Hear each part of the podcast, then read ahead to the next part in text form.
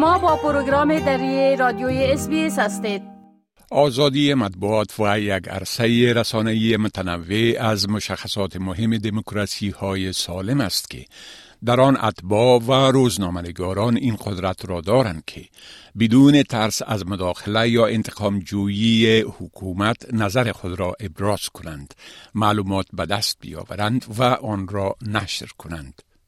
اگرچه آزادی مطبوعات توسط قانون اساسی تضمین نشده اما استرالیا در جمع چل کشور برتر در فهرست آزادی مطبوعات جهان قرار دارد. پس نقش رسانه ها در یک دموکراسی چیست؟ رسانه های تجارتی و رسانه های تمویل شده توسط دولت در استرالیا چگونه متفاوت هستند و چی چیز آنها را از رسانه های تحت حمایت دولتی که در خارج از استرالیا نشرات می کنند متمایز می سازد؟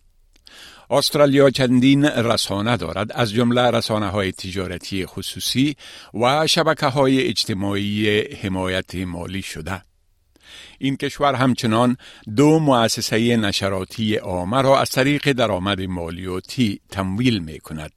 اینها مؤسسه نشراتی استرالیا یا ABC و سرویس نشراتی خاص یا SBS هستند. رسانه های خصوصی عمده به خاطر کسب سود و درجه بندی از نظر محبوبیت مطالب و محتوایشان را تولید می کنند. آنها جوابگوی حامیان تجارتی و منافع آنها هستند. برعکس مؤسسات نشرات عامه در مقابل جامعه که بودجه آنها را تأمین می کند پاسخگو هستند. کریستیان پورتر مدیر عامل اطلاف رسانه های عامه است. این بزرگترین انجمن سراسری رسانه های عامه است که از ارزش های اساسی رسانه های عامه و روزنامه‌نگاری حمایت می کند. او می گوید مؤسسات نشرات سمی و بسری معذفند به صورت دقیق به مردم اطلاع رسانی کنند. They should be free from government or overt commercial interference. They should have oversight from ideally some sort of independent regulator and provide impartial news and quality content that informs, educates, and entertains all of society. Public media should also be a reliable source of information in times of emergencies and crises and a reliable counter to misinformation and disinformation. They should be universally available, reach diverse audiences, and ultimately inform democracy, particularly at times of election. نهادهای رسانه‌ای باید همچنان این را که چگونه تمویل و اداره می شوند و چگونه پولشان را مصرف می کنند نشان بدهند. ویندی بکن یک روزنامه‌نگار تحقیقی فعال سیاسی و استاد پوهنتون است او برای مدت دو دهه استاد روزنامه‌نگاری در پوهنتون تکنولوژی سیدنی بود او می‌گوید که رسانه های آمد زمینه را برای صداها و سبک های برنامه سازی متنوع فراهم می کنند که نیازها و دیدگاه های متنوع جامعه را انکاس می دهند. این برخلاف رسانه های تحت حمایت دولتی است. Purpose of that media is to be a voice for whichever government is in control of that society, an arm for government. Now, that's very different from the idea of independent broadcasting where funding can come from the public, but in some way it's a grant to media which is able to make judgments about what has news value, what serves the community in terms of information. پروفسور بیکن می افزاید که رسانه های عامه باید دارای استقلال نگاریشی و ویرایشی آزادی انتقاد از حکومت و همه احزاب سیاسی باشند. این بدان معناست که این مؤسسه نشراتی تصمیم می گیرد که چی خبر را چگونه گزارش دهد. رسانه های تحت کنترل دولت در کشورهای عمومیت دارند که توسط رژیم های خودکامه اداره می شوند. آنها معمولا محتوای دولتی و ملی گرایانه را نشر می کنند. رسانه های عمومی ستون دموکراسی هستند زیرا بحث و بررسی عمومی را تشویق می کنند. نجات باسار تهیه کننده اجرایی SBS ترکی است.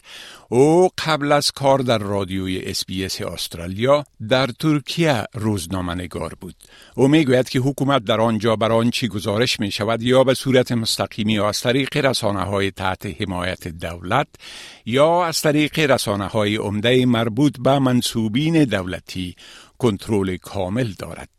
Turkey passed a law that has made illegal to propagate falsehoods. So any journalist that makes a story deemed false by the government can be imprisoned up to three years. Certain laws limit what you can cover. So once or twice you try to be brave to push the envelope. You're either attacked by lawyers or prosecutors or government's online trolls. After a while, you learn your lesson and you censor yourself. You just give up and just focus on safe subjects. آقای بسار توضیح می دهد که خبرنگاران در ترکیه در صورت تلاش برای مخالفت با حکومت با تهدیدهای جدی روبرو می شوند. او می گوید تضاد بین آزادی مطبوعات در ترکیه و استرالیا کاملا آشکار است. این بدان معنا نیست که ناشران عامه استرالیا از فشارهای تعمیل شده از بیرون معاف هستند.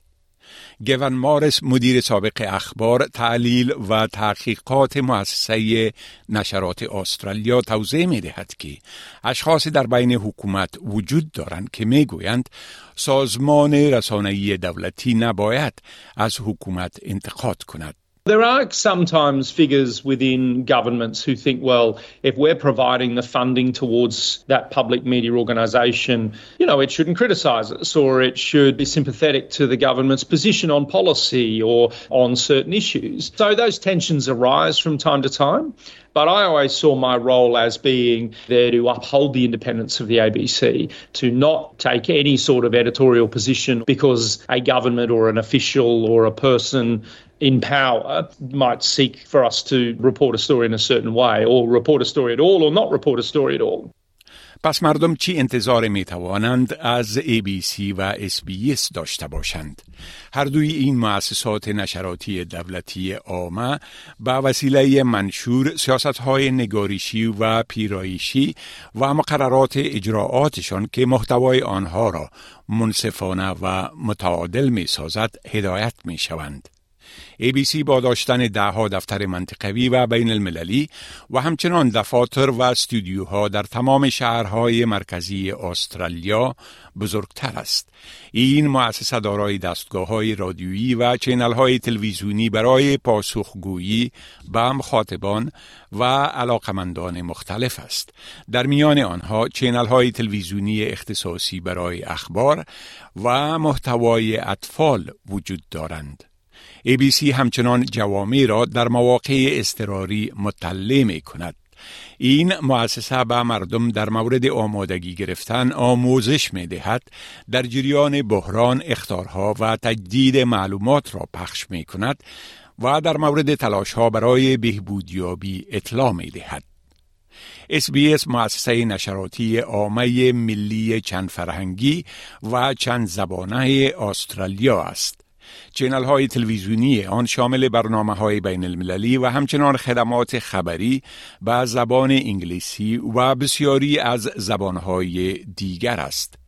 این مؤسسه به مردم با پیشینه غیر انگلیسی زبان امکان دسترسی به اطلاعات و سرگرمی های کشور خودشان را فراهم می کند. اس جایگاه تیوی تلویزیون ملی بومی استرالیا است که محتوا را از دیدگاه ملل اول کشور نمایش می دهد. دیوید هوا مدیر محتوای صوتی زبانهای SBS است. او بر رادیوی SBS که برنامه ها را به بیش از 60 زبان پخش می کند نظارت می نماید. SBS was set up very um, distinctively to service multicultural and multilingual Australians. Now, that's not to say that the ABC doesn't have multicultural Australians in its charter, but SBS is particularly chartered for that reason. SBS در اواسط دهه 1970 به حیث دو سرویس رادیویی با هزینه دولتی و کار داوطلبانه به هشت زبان شروع به نشرات کرد. این مؤسسه به منظور دادن توصیه به مهاجرین در مورد نحوه دسترسی به خدمات طبی در استرالیا ترریزی شده بود. از آن زمان تا حال رادیوی اس به صورت قابل ملاحظه گسترش یافته است. او کنون همچنان اخبار دیجیتال و پادکاست ها را به ده ها زبان به شمول یک رهنمود اسکان تحت عنوان The Settlement Guide نشر می کند. رسانه های تجارتی هم به خاطر تضمین تنوع رسانه‌ای در کشورهای دموکراتیک ضروری هستند. کسی درک مدیر بخش رسانه های اطلاف رسانه ها سرگرمی ها و اونرها است که این اطلاف بزرگترین اتحادیه استرالیا به نمایندگی از روزنامه‌نگاران رسانه های عامه و تجارتی می باشد. او می گوید این رسانه ها ارزش را به گفتمان عمومی اضافه می کند. پروفسور ویندی بکن به حیث روزنامه‌نگار در هر دوی رسانه های عامه و تجارتی کار کرده است. او می‌گوید اگرچه بعضی از بخش های رسانه های تجارتی فعالیت های قابل ملاحظه روزنامه‌نگاری را به نفع عموم مردم انجام می دهند اما بیشترین محتوای آنها برای جذب مخاطبان زیاده به خاطر افزایش درآمدشان از طریق اعلانات ترریزی می شوند. کریستین پورتر رئیس اجرایی اطلاف رسانه های عامه می گوید مشکل مالکیت خصوصی در این است که بعضی از رسانه ها ممکن از نظر ویرایشی انحرافی باشند.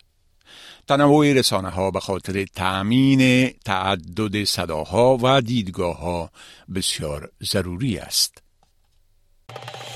بپسندید، شریک سازید و نظر دهید. اسپیس دری را در فیسبوک تعقیب کنید.